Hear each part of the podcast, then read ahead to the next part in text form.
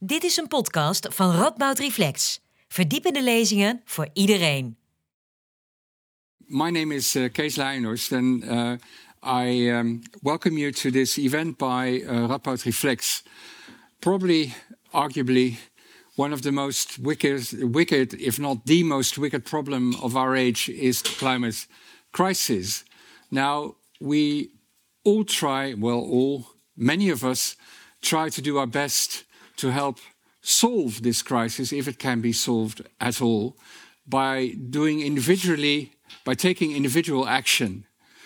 But to, to tonight, we're going to look at a different level. We're going to look at the level of collective action. Governments, international organizations, all trying desperately to avert the danger posed by the um, climate crisis. But obviously, so far at least, um, we, we as we as a collective have not been able to manage this problem. We haven't been able to find proper solutions. What is it that causes this? What is the nature of collective action? What is asked from collective entities like the United Nations, the, the, the World Bank, um, and that kind of organizations, but also societal, social organizations, might they be of help uh, in solving the climate crisis? So um, I guess we're going to talk a lot about collective um, action. And uh, as is already announced at uh, the board here, uh, we've got two very eminent uh, scholars who can talk us through this problem and its possible uh, solution. So first, uh, Daniel Daniel DeRock will talk to us. He's a political scientist here at Radboud University, um, specializing in international governance, especially governance on uh, economic and ecological um, uh, problems, ecolo ecological um, business. Um, he, he, he'll be first, and he'll talk for 20 minutes sharp. Um, uh, followed by Marc Davidson, who is a professor of sustainability at the philosophy department, also here at Radboud University, specializing in climate ethics. Um, we're looking forward to a wonderful evening and a wonderful uh, conversation. Um, and I give the floor to Daniel.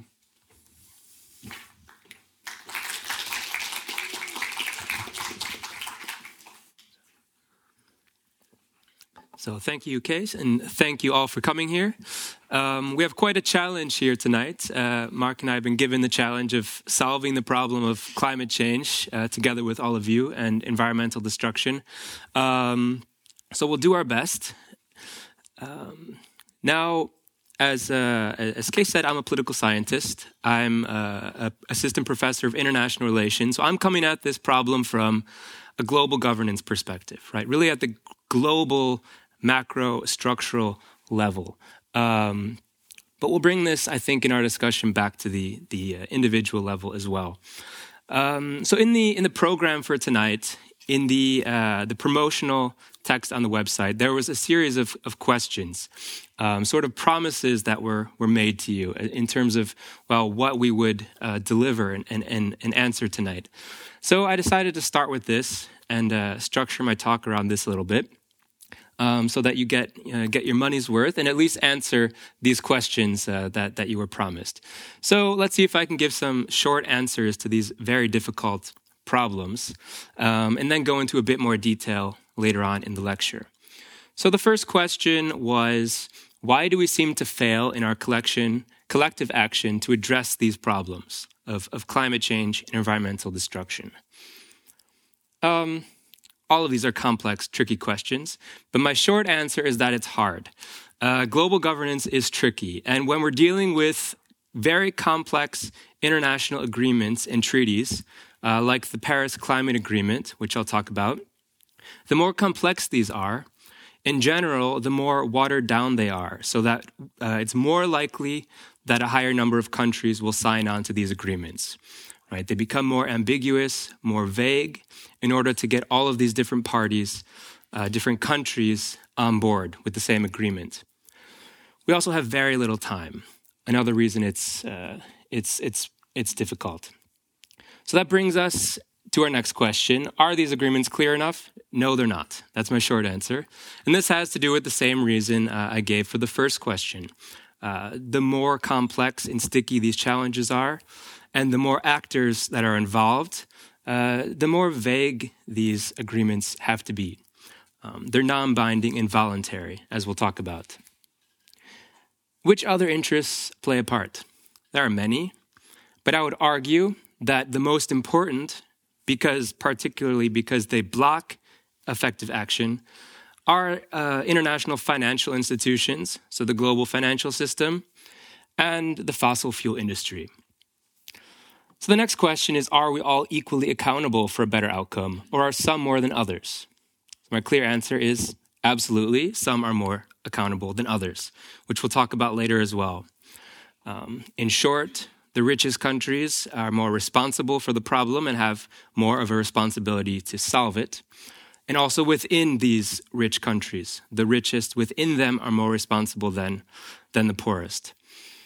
And what's necessary to turn the tide towards a constructive collaboration? This is the really tricky question that we'll have to answer together. But my answer is that we need a paradigm shift, a new way of thinking. Uh, together with that, uh, a lot more imagination in terms of how we solve this problem, um, and a very powerful social movement, possibly more than we've ever seen in history. So I've answered these questions, and we can go on to the next talk. But I do have some more, uh, um, and I wanna I wanna have the background here be the scale of this crisis. Right? So we all know something about climate change. We've heard something about the potential impacts of climate change, and we see some of them already. But just to put this into perspective with some numbers, um, what this first bullet point means, I've, I've worded it in a bit of a, a complicated way, but what this basically means is that in order to meet the goal of the Paris Agreement, which is limiting global warming to 1.5 degrees Celsius before the end of the century, that's compared to pre industrial levels, uh, we would need to basically cut emissions in half by 2030 um, and reduce them to zero or what's called net zero by 2050. And are we on track for this? No, we're absolutely not. So most countries are failing in their commitments. Uh, that's my pessimistic uh, uh, um, uh, evaluation here. Um, emissions have continued to rise after the signing of the Paris Agreement uh, in 2015. Um, and they're now 62% roughly higher than they were in 1990. So shortly after the Kyoto Protocol was signed, or shortly before the Kyoto Protocol was signed. Um, that was the predecessor to the Paris Agreement. Right? So ever since we've had these very ambitious targets, very ambitious global agreements, emissions have still continued to rise. Uh, to put this even more into perspective, prior to the signing of the Paris Agreement in 2015, carbon emissions were on track uh, to uh, to to um, to reach four degrees warming by the end of the century. Now, four degrees doesn't sound very much, but this is catastrophic, right? Already two degrees Celsius by the end of the century uh, is is is a is a terrible outcome. 1.5 degrees, um, which is our best possible scenario, involves quite a lot of suffering and destruction of, of uh, ecosystems. But four degrees is something we want to avoid at all costs. Um, now, these are very difficult to, to predict. There's some very complex modeling involved. Um, and we have arguably made some progress since the Paris Agreement. But if countries are not following through on their commitments, then this is the scenario that we potentially face. So, the Paris Agreement, this is our best. Uh, this is this is the best solution we have right now in terms of global governance. It's not perfect, um, but it's an international uh, treaty. The majority of countries have signed on to this, and it's been in effect since 2015. Right? We had another one before this. The Paris Agreement made some changes. Uh, among them is the introduction of what are called nationally determined contributions (NDCs). So countries promise a certain level of emissions reductions every year. And this is voluntary. Um, there's no mechanism to enforce this. Uh, but it's the best we have, right? This is this is uh, an agreement. It involves a lot of compromise, but this does mean that countries, well, set their own goals, and there's no um, uh, mechanism to to ensure that they do this. No sanctions or any sort of hard enforcement like that. And as we saw, most countries are not following through even on these uh, commitments. So, continuing with this pessimistic out, uh, outlook before we get into hopefully some, some hope uh, towards the end of this talk, um, what are some of the barriers to achieving this transformation that we need? Right. So, I called this the energy transition. We could also think of this as fossil fuel phase out. Right? So the most crucial thing we have to do is get rid of fossil fuels. So oil, gas, coal. Um, this has to be the top priority. But there are lots of barriers to achieving this transition away from fossil fuels into renewable energy or a lower um, energy intensive economy. So, just a few of these. Well, right now, fossil fuels are still dominant. We've had some increase in the uptake of renewable energy, but fossil fuels still make up about 84% of our primary energy use. Um, we also have the problem of energy poverty, right? So, while we're trying to decarbonize and move away from highly resource intensive economies, we still have millions of people living in poverty. And to achieve many of our other development goals, so other sustainable development goals, for example, we will need to increase energy use for the poorest, poorest people. Um, the question, the challenge is how to do this in a fair and just way. So, how can we ch- achieve a just transition, uh, transitioning away from fossil fuels without hurting the most vulnerable uh, uh, people? Also, related to this issue of a just transition is jobs. So, in the United States, for example, millions, well, hundreds of thousands uh, of, of people are employed in oil, gas, and coal sector, right? Uh, how can we transition away from fossil fuels, uh, from coal, coal production, for example, without hurting these working class people? Um, this is, these are a few of the challenges that we face. Another challenge ironically has to do with the way we talk about these goals. You've probably heard of net zero goals, net zero ambitions by 2050, for example. Uh, so there's uh, an international goal to achieve net zero carbon emissions, greenhouse gas emissions by 2050.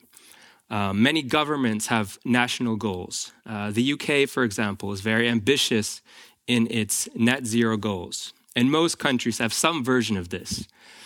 So this is a good thing, right? It's good that politicians are talking about uh, achieving net zero by 2050.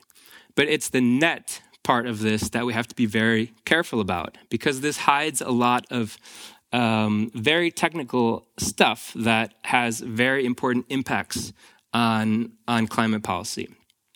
So if you see here, for example, um, on the bottom left. The details of this chart don't, don't matter particularly right now, but this is a carbon reduction pathway, a net zero pathway from the International Energy Agency. And there are dozens of others like this that lay out in very specific detail what kind of technology we need, what types of policies we need to get to net zero. The problem is one problem is that this often relies on technologies that don't exist yet or are not scaled up enough to actually be put into use. Uh, one example is BECCS, bioenergy with carbon capture and storage. Now, this isn't especially new.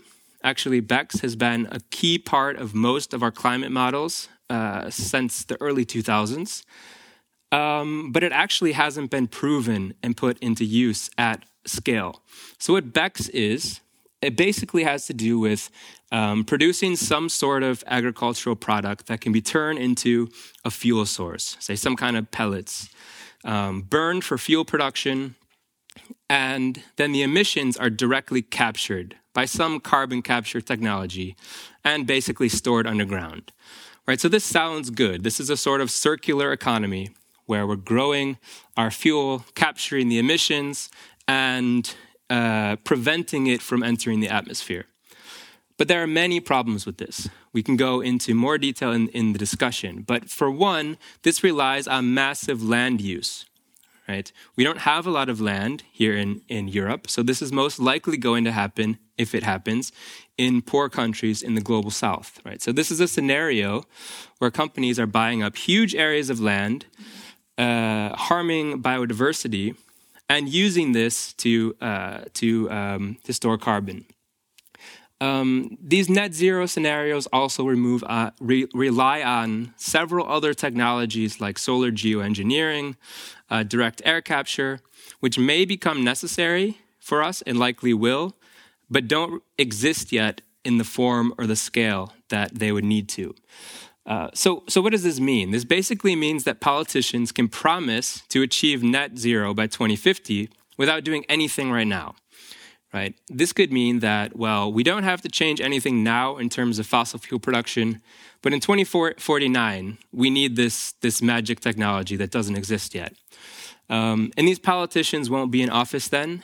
Uh, most people will have forgotten about them, but they can still make very ambitious goals uh, without actually taking action. Now, another example, again, we can go into more detail in the discussion.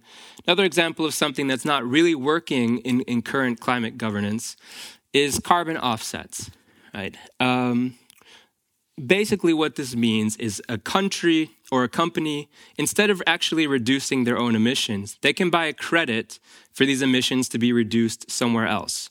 Uh, say by planting a forest somewhere or a renewable energy project. But most of the time, what they're actually doing is, well, at least in, in principle, preventing forests from being cut down. Right. So, for example, a carbon credit project um, can can look at a big area of, of forest and make an argument that if we don't do something, there's a high chance that this forest will be cut down. Um, it's quite an easy case to make, but hard hard to prove that this actually would happen. Um, and then this can be used for a carbon credit. There's nothing stopping uh, a timber company from then simply going to another part of the forest and cutting that down. That's called leakage. Um, there's also no risk that the forest doesn't burn down or get some sort of uh, beetle infection, right? So these are not very secure forms of environmental protection. Um, this brings us again to this issue of climate justice. Right? So another point that uh, came up in these these first uh, series of questions. The question was, okay, is everyone equally responsible? Do we all, all, all are we all equally accountable for action on environmental destruction and the climate crisis? Uh, and I argued that no, we're not. Um, the main reason for that is that the poorest countries have contributed the least to climate change, right? So the countries who are the most uh, most directly affected right now by climate change. Um, think of poor islands, uh, small island states, or the poorest, uh, most vulnerable countries are the most vulnerable to droughts, uh, climate conflicts, and so on, but have contributed the least to climate change. And this leads to some very well, interesting uh, dynamics in fossil fuel politics. Um, so here we have two examples of, of two countries in the global south, uh, both dealing with oil extraction, but with very different outcomes. So here on the left, we have the East African crude oil pipeline. Uh, this is uh, in Uganda. Uganda discovered oil under uh, uh, some lakes uh, several years ago, and this was very exciting for the country because this is a poor country with the potential to become an oil exporter. Right, this is big for the country if the profits from that oil extraction can stay in the country, which is not guaranteed. Especially because the largest investor, the largest backer of the pipeline project is Total Energy, a French company. So there was a lot of debate within the country if this is a good thing or a bad thing uh, to discover oil. Um, a lot of environmental protesters were fighting back. Many others were pushing for the oil production to take place. uh, with the hope that this would lift them out of poverty and create new jobs. But it was actually Europe that stepped in. The European Union actually stepped in, passed a resolution to stop Total Energy, in Fran- a French company, from carrying out this project. Now, if we're simply looking at the problem of climate change, fossil fuel phase out, looking at it from this black and white perspective, uh, the, the fact that we do truly need to phase out fossil fuel production, it's a very clear moral issue that we shouldn't uh, extract more oil anywhere. But why can't Uganda extract oil, a very poor country, when so many other countries became wealthy through the same types of activities? This is the question that was asked. And why is it that the European Union can stop this? Right? So there's a lot of debate over the question of who has the right to extract oil? And it's not an easy question. Um, currently, the pipeline has continued, even though there's major pushback still from environmental activists. On the other hand, we have uh, Yasuni National Park in Ecuador. Uh, this is a section of the Amazon in Ecuador. Uh, and there's oil. So the Ecuadorian economy relies heavily on this, this oil. But just this year, a referendum, a binding referendum, was passed uh, to stop the uh, extraction of oil. This was a huge victory uh, for Ecuador, for environmental activists, but for the people in the local community who relied on those jobs this was a very terrifying prospect that they would lose their economic security. Right? So these questions of, of climate justice, a just transition, uh, are very tricky. Um, this comes up as well in the uh, in the Paris Agreement. Right? I'm looking at the time. We can get into more detail about this in the, in the discussion, uh, but this is something to look for in later this month at the next conference of the parties. These are the yearly um, negotiations of the Paris Agreement uh, over this very mm, contentious issue of what's called the Loss and Damage Fund. Right. So the question is do rich countries have a responsibility to finance countries for historical loss and, and damage, uh, economic, environmental, social damage from the climate change impacts caused by these rich countries? Um, and this actually passed last year. This fund is going to exist, but in what form is a big question. And a year later, we still haven't answered that. Um, I think I have about a minute. So I'll try to summarize what I really want to talk about, hopefully in the discussion. I've left to the end. So we're really at a crossroads here. Uh, I've given a pretty, I think, pessimistic view of, of the, the scenario in terms of climate and environmental governance. Um, and what I think the problem is, is, is, as I said in the beginning, we're lacking imagination about how to get out of this. Um, we're stuck in a paradigm based on the current social economic system. Um, and the way I would describe the paradigm that we're in now is green growth, right? So most of the solutions that we have to combat climate change all take place within market dynamics, right? Um, getting the prices right. So, for example, uh, implementing carbon taxes or removing carb, uh, fossil fuel subsidies. These are all very important things to do, but I would argue that they're not enough. Um, green growth also involves things like investment for research and development for new technologies. Technology is absolutely important, but if we look at the time scale we're on, it's not enough and it's not happening fast enough. Now, to get some debate going uh, in the second half, I'd like to quickly propose an alternative to green growth, which is the degrowth paradigm. Um, Jason Hickel, anthropologist, has defined degrowth as a planned reduction of energy and resource throughput designed to bring the economy back into balance with the living world in a way that reduces inequality and improves human well being it's important to clarify that degrowth is not about reducing GDP, but rather about reducing throughput, so our energy use, uh, resource use. Um, the idea here is that it's not possible to separate or decouple growth, economic growth, from carbon emissions, right? We need something different. Uh, we need to consciously scale down activities that are harmful fossil fuel production, private jets, advertising, and so on, and scale up the things that are necessary for a just transition. So that means renewable energy, but it also means a less resource intensive economy. That might mean a shorter working week. So that might mean more support, uh, a, a, stronger social safety net. Um, this is uh, a very complicated debate that we can get into more, but this is what I propose as an alternative. So, to wrap up, what I think we need is a paradigm shift, right? We need to somehow look beyond the limits of the current economic system and political system and do so in a way, in a time scale that is historically unprecedented. So, my best answer, which we can talk about more in the second half, is that we need a very powerful social movement. None of this is going to happen without a transnational social movement to pressure the political system, the economic system, to change beyond the paradigm that we have currently. So, thank you very much. Yeah.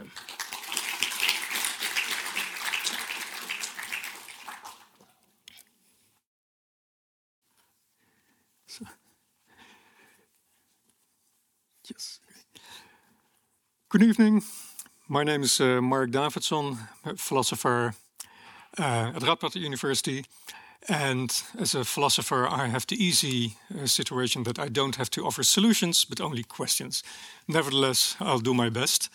And we will certainly have something to discuss about because I will, I'm afraid, talk about or propose carbon taxes, etc.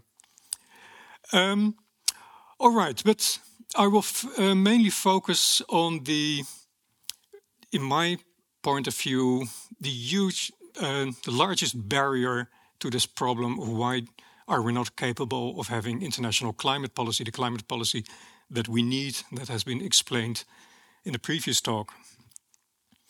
So, the biggest problem, and the term has already been mentioned, collective action problem, the biggest cause of the situation where we are in is that climate change is the biggest collective action problem that we have. What is a collective action problem? That's a situation in which we individually try to reap the benefits of uh, our activities and try to shift the costs of those um, activities to others around us. We are all, well, we are altruistic to a certain extent and we care about other people, but at a core, we have this huge tendency to reap the benefits ourselves and try to shift the cost. But the problem with that approach is that it leads to a situation that is not in our own um, to our own benefit, but instead it's detrimental to all collectively we arrive in a situation in which we're much uh, worse off than if we would have coordinated our acts. And this is an insight that is very old, and nowadays it's already taught at um, high school. Um, almost everyone is familiar with the prisoner's dilemma, which is a collective action problem where due to the prisoners trying to improve their own situation, they end up in a situation that is worse than if they had coordinated. And it's also very well known from the environmental sciences in, I think, one of the most cited publications uh, in all of environmental science by Garrett Hardin, The Tragedy of the Commons, in which he makes a comparison between environmental problems and herdsmen on a pasture that is uh, open for everyone. So, what happens on this pasture? Uh, these herdsmen each individually try to improve the situation, take a decision. Shall I increase my stock, um, the amount of animals, and the costs in less grass are shifted to others? But what is the end result? Um, too much cattle, uh, a loss of all grass, cattle dies, and perhaps the farmers as well. So that's the tragedy of the commons.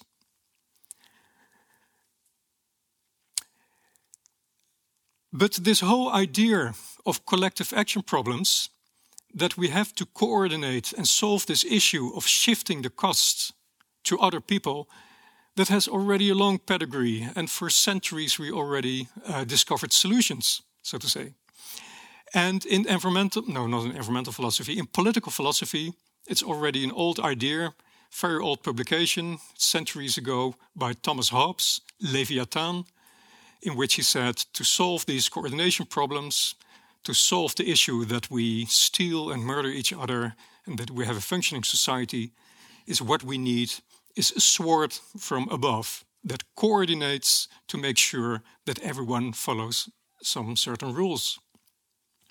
And in the words of Garrett Hardin, of course, who lived much later, what we need is mutual coercion, mutually agreed upon.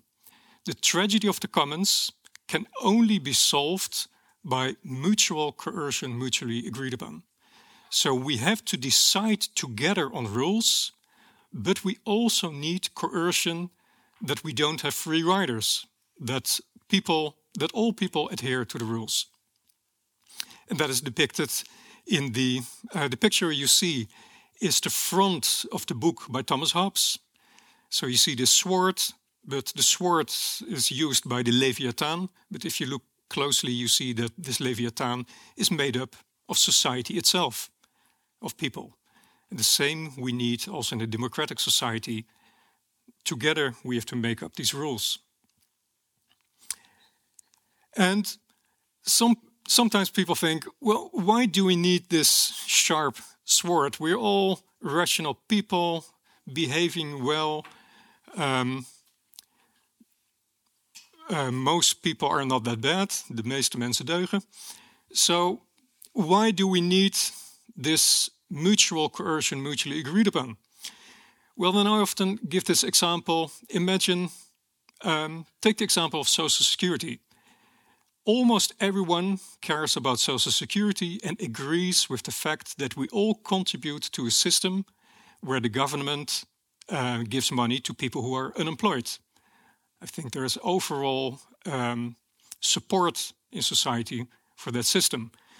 Well, imagine that tomorrow the government would say, Come on, you're all grown ups.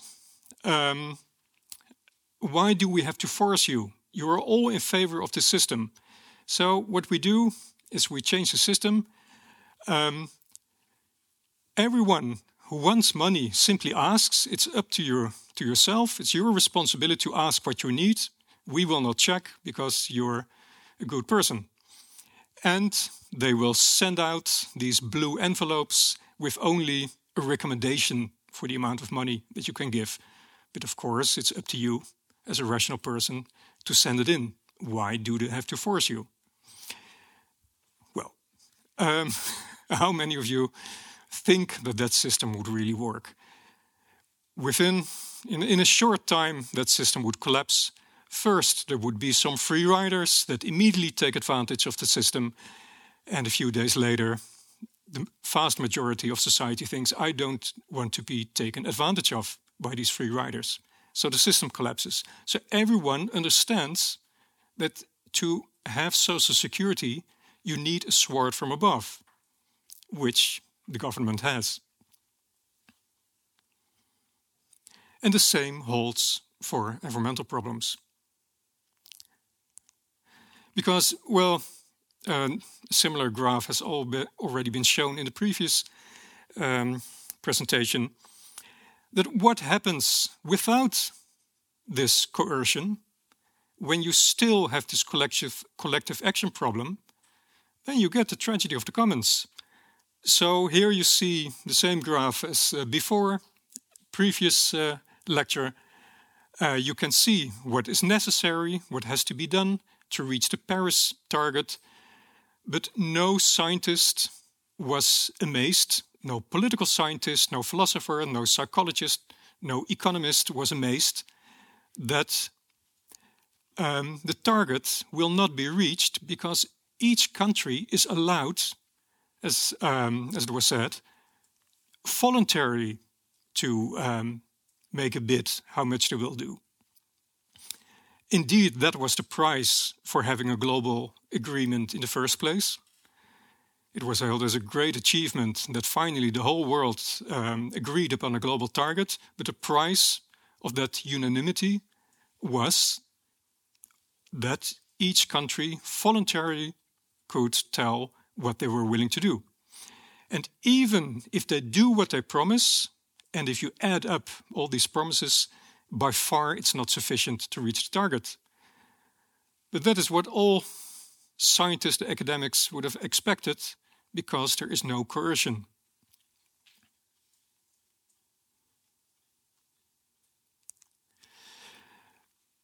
So, in my mind, what we need is a global coercive mechanism. Economists would recommend um, two ways. We need to attach a price tag to carbon emissions to reduce emissions. So there are two options either directly tax carbon emissions globally, or it sounds like a different system, but basically it works uh, the same to have tradable emission permits. That means that if you want to emit, you have to show that you have a permit um, that you're allowed to emit. In both cases, carbon emissions get a price. These tradable emission rights they can be auctioned by governments or the um, United Nations. In any, at any rate, these carbon emissions will get a price.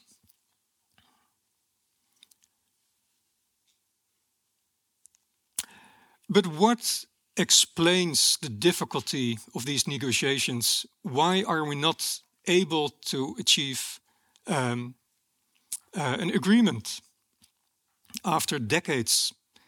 The first climate summit was 1992 when the United Nations Framework Convention on Climate Change was established. So we're already discussing 30 years. We still not really have a good agreement. But what explains that it's so difficult? I can talk about emissions in tons, but that won't uh, tell so much, so I'll, I'll explain it in money terms. So we know that to reach this target, to keep the temperature increase below one and a half degree above pre-industrial levels, um, we are not allowed to emit more than 40 billion ton of carbon in 2030. We also know that a reasonable price tag to emissions is in the order of 50 to 100 euro per ton.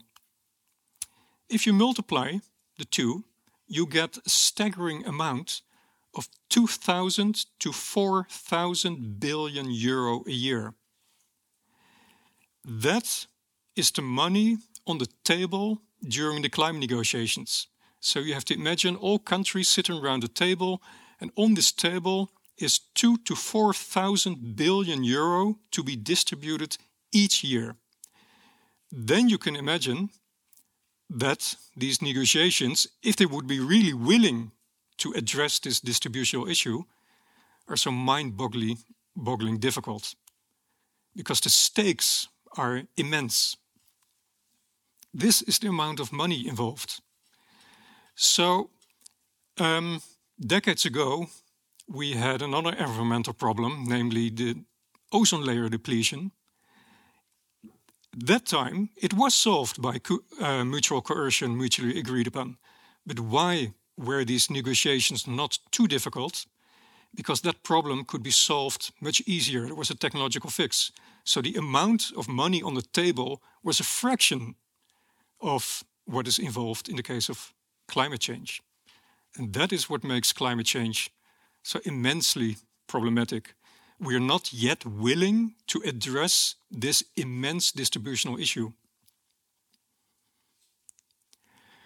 And the problem is, if everyone would agree on the right approach, of course, tomorrow you would have agreement. But the problem is that countries disagree on what a fair distribution is of this amount. So, according to some, especially the developing countries, um, what is a fair approach is, and which also also sounds to me as a moral philosopher the most reasonable, is that the more you have emitted in the past, the less right you have to emit in the future because you already used your share. And the wealthier that you are, the less you are entitled to emit in the future because you have stronger shoulders to carry the burden. So, these two principles the more you emitted in the past and the wealthier you are, the less the share of this pile of money you get. And these moral principles were also established during this first um, climate meeting in 1992 in the United Nations Framework Convention on Climate Change. Well, what would that mean in practice? To make it um, more concrete, if you apply this, that would mean for the Netherlands that every year we have to pay 5 to 10 billion euro to developing countries to buy, let's say, emission rights, because we cannot reduce our emissions overnight. So we have to buy, to a certain extent, some space from countries who use less. And to pay for, we have to spend 5 to 10 billion a year. But opposing this moral view is another view which other people do consider a moral view as well. And that is simply that the more you emitted in the past, the more you are entitled to continue to emit. So you have to imagine there is a huge um, pie, and this pie is shrinking. And the people who ate the most in the past say, well, it's all right that the pie is shrinking, but we are entitled to the same share as we did in the past. So if everyone on this globe has to reduce emissions, with the same percentage. So the United States, 10% less emissions than Bangladesh as well. That would mean no financial transfers between countries. This might sound strange, but this is the position taken by many industrialized countries, unwilling to make these huge financial transfers to developing countries. So some countries explicitly state that they take this position, but other countries, um, well, they don't dare to. But I think if you would ask society, few people are willing really to pay these large transfers to other countries. We already see in the European Union how difficult it is to justify transfers between countries. So that's the biggest hurdle, according to me, to um, um, international solution. So, um, yeah, I also would like to uh, offer you some hope how to solve this. Um, but the problem is, we we consider ourselves uh, Homo sapiens, very clever species. Perhaps we can do some things, but we are not as clever as we really think we are rather short-sighted. We have difficulty really to imagine what will happen five years from now, 10 years from now. And we really have to do that in the case of climate change. Our cooperative skills are not that great as we think. Um, we have less solidarity than we might hope. So, how does cooperation come, come about? Well, in history, that generally has been due to external forces, war or catastrophes. So, why do we have the European Union? Well, never to have the situation again that we had during the Second World War. So, that's the big problem how to unite the whole world. Well, um, one solution would be an alien invasion. So, Mars attack uh, hopefully, then we can uh, really achieve uh, global coordination. Or the other solution, which is more likely, is that climate change becomes so bad that we really don't see any other solution anymore. I told you the pile of money that's on the table in the climate negotiations. We already, also in Europe, we already saw some severe cli climate damage, as in uh, this picture is uh, from Germany uh, a few years ago. But still, this damage is negligible in comparison to the money at stake. So this is not bad enough yet, unfortunately. So my only hope is that climate change will become worse, that it gives an incentive for the world really to come together, but not that bad that it's really terrible and uh, too late. But at the moment, climate change is not bad enough to make us um, make this uh, international effort because we're simply too short sighted and too self centered as a species. Thank you for your attention.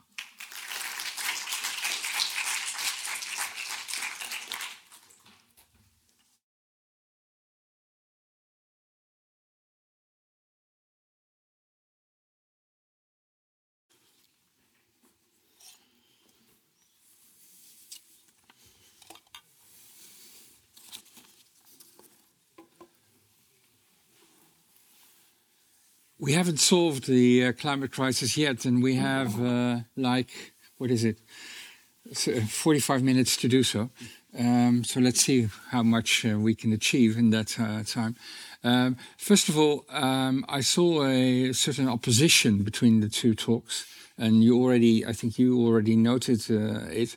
Um, you think, uh, despite the fact that you're not very hopeful, you do put some hope in tax taxes, climate taxes, uh, you seem to be very skeptical.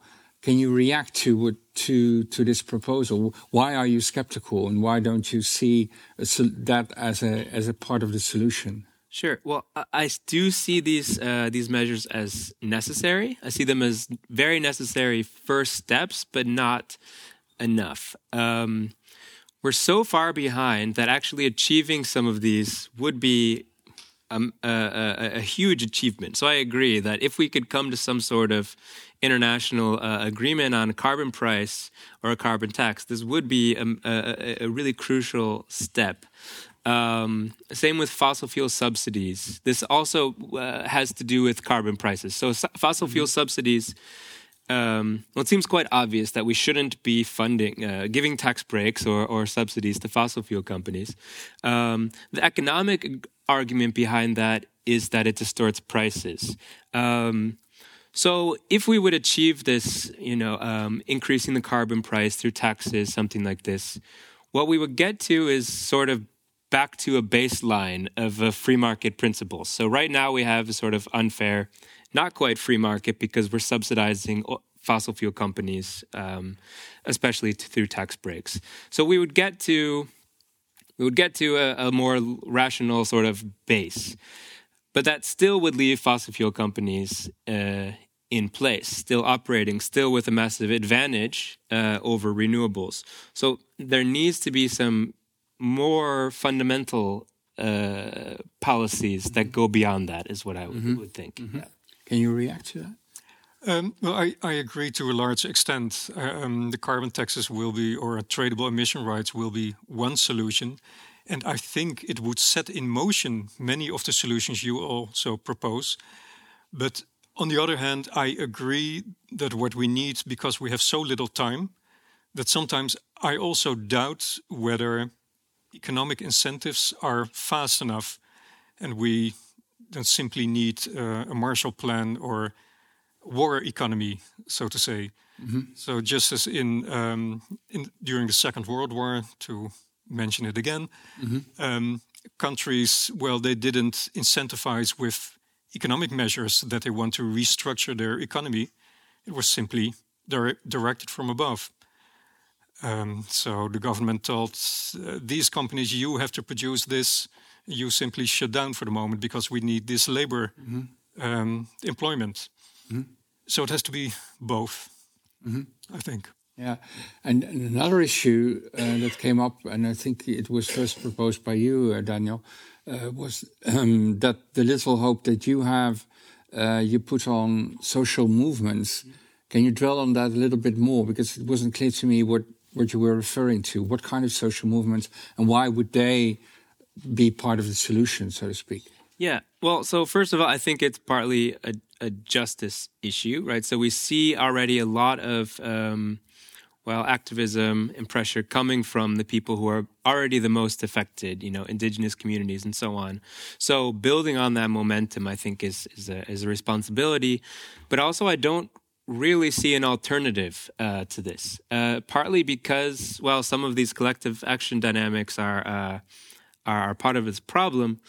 Um, one of my one of my research interests is change and continuity, lack of change in political institutions. So, why do organizations uh, like the World Bank, International Monetary Fund, who have uh, exert a, a, lot of control over the global economy, um, for the most part, why do they fail to change? Right, mm-hmm. uh, and we need institutions to change at an unprecedented pace right now. So, without external pressure.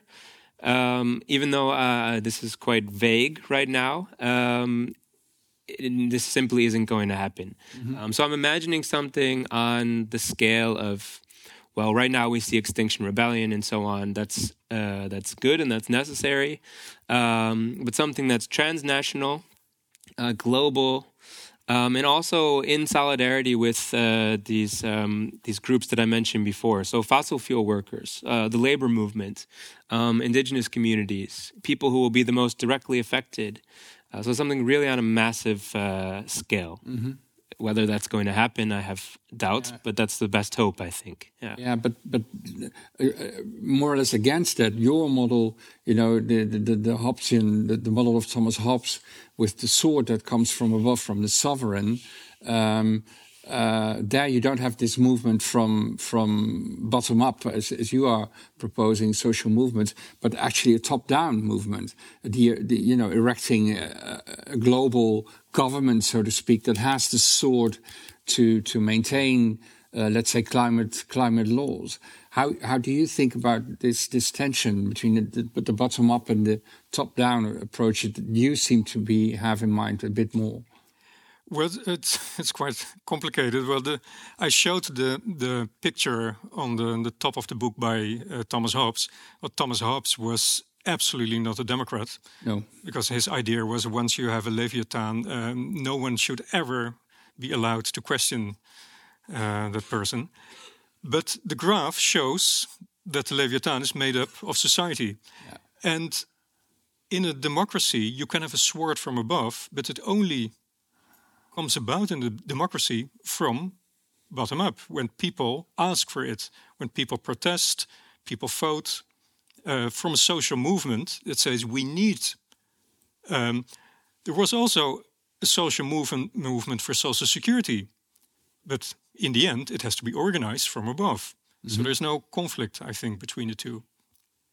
But the, the biggest yeah. problem with climate change is that there is a huge time delay be between what we do and when it has effect. Yeah. So the climate change that we are experiencing now has nothing to do with any acts by you whatsoever, because that's our ancestors of 100, 200 years ago.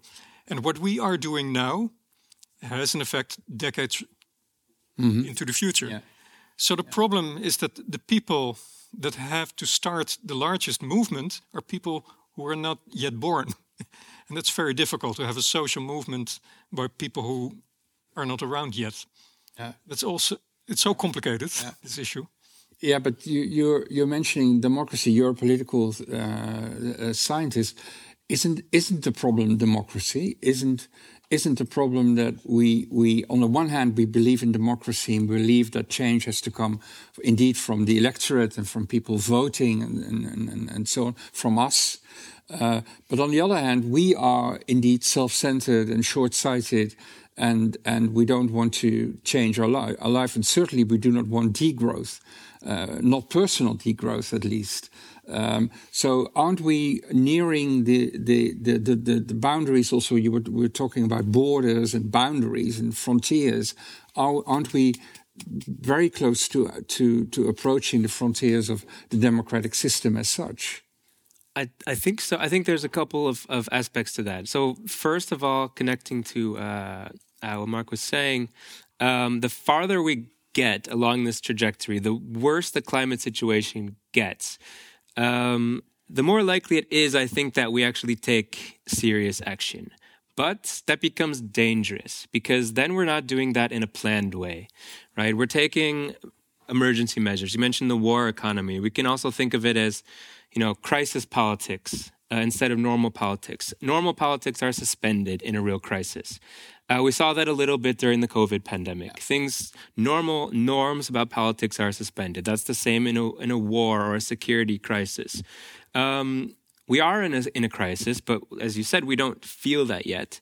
Um, so the longer we wait, the more likely it is that I think we have undemocratic solutions, yeah. um, authoritarian solutions. Uh, the second part is, well, about democracy. Um, I would argue that we don't have economic democracy now. And that is, I think, one of the major problems. So, decisions about how we use our resources, uh, fossil, fuel, uh, fossil fuels, and so on, that's decided by these uh, wealthy fossil fuel companies. You mentioned that most people wouldn't want uh, degrowth. I think most people would want um, uh, healthy societies, uh, sustainable societies, um, but they have no control over resource use. They have no actual economic democracy. Mm-hmm. Mm-hmm. Yeah. Yeah. So. yeah. Could you follow up on that? Um, no, I I fully uh, agree. That's a pity. yeah, um, and um, I, I, I, I, want to take the discussion one level up, and, and, and I'm, I'm, afraid I'm a philosopher too. Um, um, the, the level of collective. So what we're talking about is collective action and the difficulty of collective action. Uh, and the point you made is that in, in terms of crisis, uh, collective action is probably only taken when the crisis gets bad enough, but not so bad that we can't solve it, uh, uh, solve it anymore. But we have seen in the past there are examples of uh, collective action where the outcome was something we're still proud of. The United Nations, for instance, as an organization, uh, I, I, know it's ineffective and, and you can say all kinds of things about it, but it's there and it has been a vehicle for peace and solidarity and, and, and that kind of that kind of stuff. Um, so we we as a species seem to be able, human uh, humankind seems to be able to achieve that kind of thing. Why isn't it possible? Because in in, in this situation where we are facing a crisis, scientists, uh, the, the, the the figures you show that comes from science are clear enough. Um, so why aren't we doing it now where we have do it, done it in, in, in the past? It, it does seem the case that as a species we are able simply not now? Why not now? Both of you, maybe you first. As I said, because we're quite short sighted, indeed, uh, we are very clever in responding to actual danger or solving things afterwards, like our Delta works yeah. in the Netherlands. Yeah. Um, so indeed, we can do so. And also, uh, you you mentioned the Corona uh, cri yeah. Uh, yeah. crisis. Um, indeed, then we had in a short notice, we had the measures in place. We developed um, the necessary techniques. Mm-hmm. So we can do it. But climate change, even as bad as it already is, it's not yet a clear and present danger experienced mm-hmm. by people. Mm-hmm. You really need to have that attitude to have the real social change. Would you agree on that? Uh, I do. So I think a lot of it has to do with this on this level of, of behavior and collective action. I think we also have to look at the structural level too, at the uh, economic level. Um, there's a lot of money involved here, as you, yeah. as you said, but also a lot of profit. So fossil fuels are very profitable yeah. uh, for fossil fuel companies, and fossil fuel companies are very powerful yeah. um, within national governments in terms of lobbying and so on. Right, they're still able to secure subsidies in the form of tax breaks, even though this is very unpopular. That shows a lot of political power at the global level too uh, fossil fuel companies in international law have the right to sue countries who uh, who threaten their profits. Mm-hmm. Um, so these really structural, the structural power of fossil fuel uh, corporations in particular, this is something that I think has to be challenged in some way. Yeah. Mm-hmm. And how? Um, well, this issue of crisis politics, I think, is important. So, one possible solution like I said, a powerful social movement. That's hard to imagine that we have so much power, uh, that, that this movement has so much power that it can topple these, these uh, vested interests. Um, but if we can ref- if we can achieve this sort of paradigm shift, whether through uh, advocacy and education and activism, or by waiting for it to get bad enough uh, for the alien invasion, mm-hmm. um, we are going to see. Well, it's it's more likely that we're going to see things happen that are unimaginable now. For example, fossil fuel companies have legal contracts extending decades into the future. They have a legal right to these profits, but that, that can't happen. Mm-hmm. uh, they are uh, they're afraid of what's called stranded assets. So they have all this infrastructure in place. They're going to lose billions of, of dollars or euros. It can't happen, mm-hmm. uh, but they have a legal right to. So to challenge actually these laws is going to take crisis politics mm-hmm. in some form or another. Yeah. Mm-hmm. And isn't yeah, you want to? No, I, I completely agree. That's the point. Is stranded assets. So it's not that the fossil fuel companies cannot change. I mean, they hire the cleverest people and they can develop the technology. It's that the value of their companies is in their in the oil that's still in the ground. Mm-hmm. So if they're not allowed to pump it up, the price of stocks go down. So it is as if um, Apple has uh, made, uh, which is the last iPhone 14 now or something? 15. Imagine they produced a billion iPhones 15 and they have it in store, but suddenly um, number 16 is developed or they're not allowed to sell number 15. That's a disaster, not because they cannot develop something new. They have billions in assets there. And the problem is, it's not the assets of the fossil fuel companies, it's our assets. I remember one of the um, conversations with the a pension fund, uh, the big pension mm-hmm. fund, where is their money? Also in the fossil fuel companies. Mm-hmm. So if we say uh, simply take away these assets, um, take mm-hmm. a ball pen, yeah. Then your pension goes down, mm-hmm. and suddenly people are less willing to uh, to make it difficult for the fossil fuel companies. Yeah, good point. Yeah, yeah. I was I was also wondering in, in this respect, um, in this connection, uh, you brought up the the the the, the notion of accountability. Uh, isn't this all of this indeed a problem of accountability of holding who who who can we hold, uh, hold accountable for these problems? And we don't have mechanisms yet for that kind of thing. Isn't this all about accountability and responsibility actually uh, really uh, uh, at heart?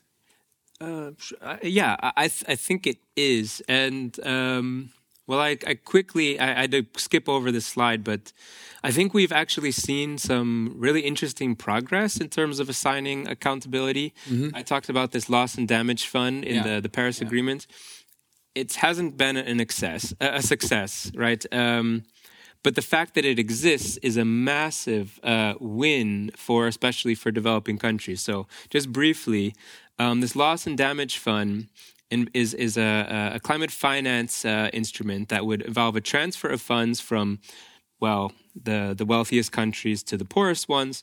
That's typical in climate finance. Uh, but the difference here is that it assigns responsibility. Uh, the, the, the wealthiest countries, the countries of the global north, were very strongly opposed to this um, in the, the COP27 last year.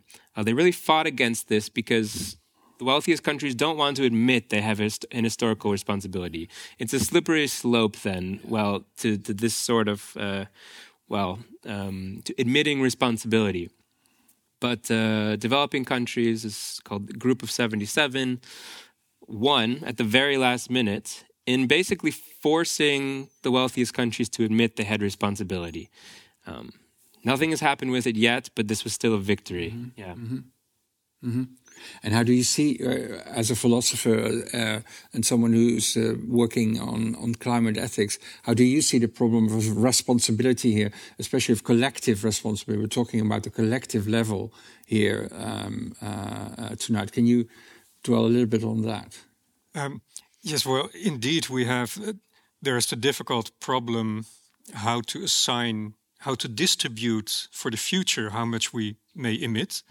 That's rather complicated, and people really can have different views on that. But regarding the damage that is already occurring, that's much easier because the polluter pays principle is a quite well established moral principle also in, in law. And we more or less know who has filled the atmosphere with carbon dioxide. Uh, not exactly, but we know how much Europe has done, how much Russia has done, how much United States has done. So there, um, it's not that difficult to make the calculation um, who should fill that fund. But indeed, uh, all countries will be reluctant really to recognize responsibility. I'm getting more and more pessimistic. I don't know about you, but Now, the, the good thing, there's um, one good development that in the past, or 30 years ago, uh, you really had the industrialized countries in the developing countries. And the um, industrialized countries had all mechanisms, uh, the World Bank, the IMF, to force developing countries to accept their terms in whatever uh, negotiation.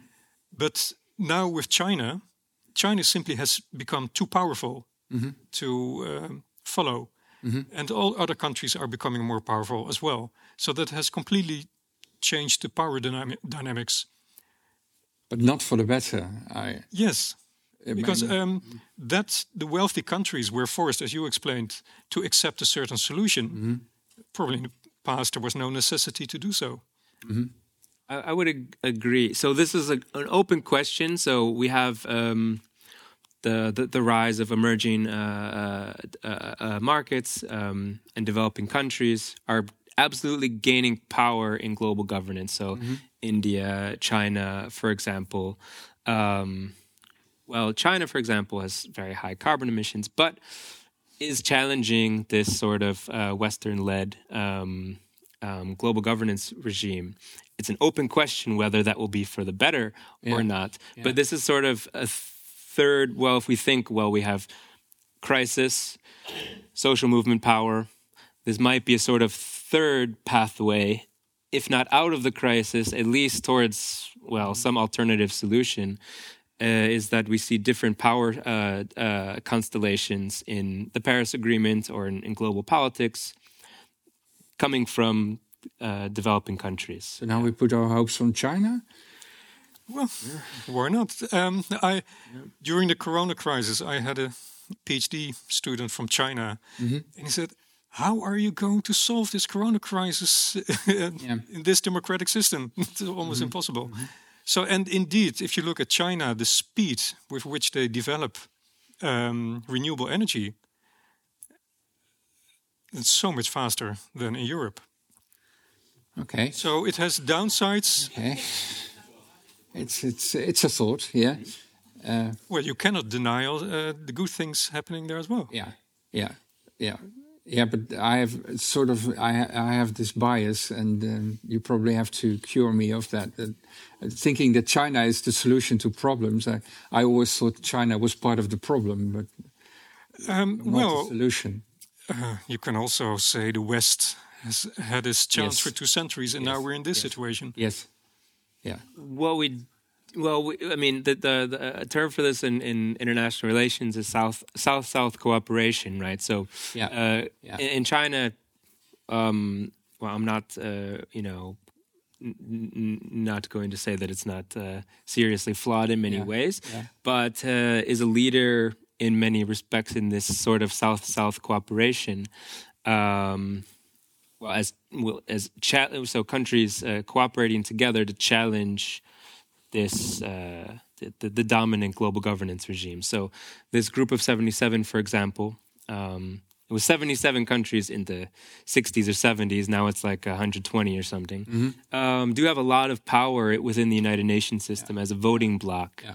Um, so it's not only China, but they often are sort of a a, a, rep- a leader Yeah. in these negotiations. Yeah, but there's a new sort of power emerging. Exactly, That- That's, yeah. that's what you're. So that so, so as I'm not claiming that this is going to be a solution, but this is sort of a wild card in, in a way, Yeah. uh, as an alternative pathway towards some different type of yeah, solution. Yeah, yeah, I get it. thank you very much, the two speakers, uh, Marc and Daniel. Thank you very much for your contributions and the discussion. Big round of applause for them. Thank you.